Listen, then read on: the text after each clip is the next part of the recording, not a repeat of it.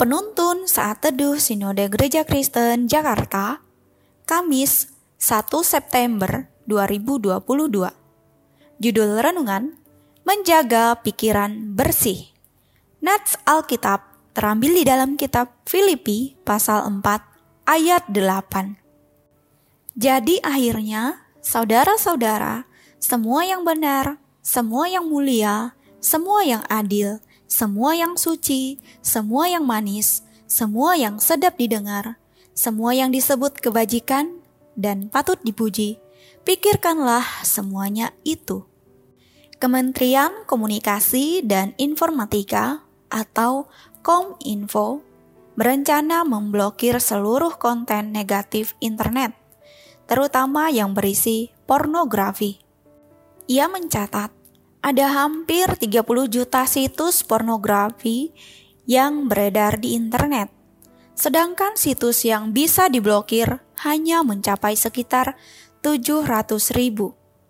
Sumber katadata.co.id Bisa dibayangkan betapa banyak godaan yang terdapat di dunia maya. Jika tidak hati-hati waktu online, sangat mudah orang jatuh dalam dosa pornografi. Hari ini, banyak kegiatan yang dilakukan secara online. Bekerja, sekolah, ibadah, belanja, menonton, membaca, dan lain-lain semuanya dilakukan secara online. Ini merupakan kemajuan zaman yang memudahkan dan telah menjadi kebutuhan hidup banyak orang. Ini tergantung bagaimana kita menggunakan semua kemajuan yang telah tersedia. Ada pepatah mengatakan, kita tidak dapat melarang seekor burung terbang di atas kepala kita, tetapi kita dapat melarang burung itu bersarang di atas kepala kita. Artinya, kita tidak dapat menghindari segala bentuk konten negatif yang tersedia di media online.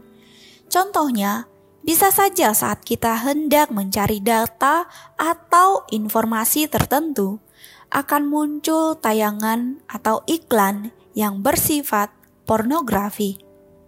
Yang paling penting adalah bagaimana cara kita menjaga pikiran agar tidak terbujuk dan masuk dalam konten tersebut. Pornografi akan merusak pikiran kita dan membuat rasa bersalah terhadap Tuhan ada satu ayat firman Tuhan yang bagus untuk kita pegang, yaitu Filipi pasal 4 ayat 8.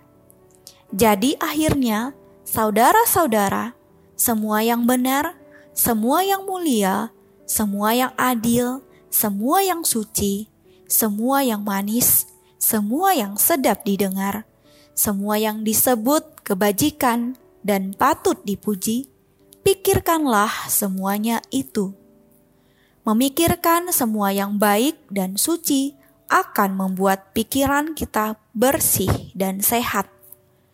Bagaimana Anda menjaga pikiran agar tetap bersih di hadapan Tuhan?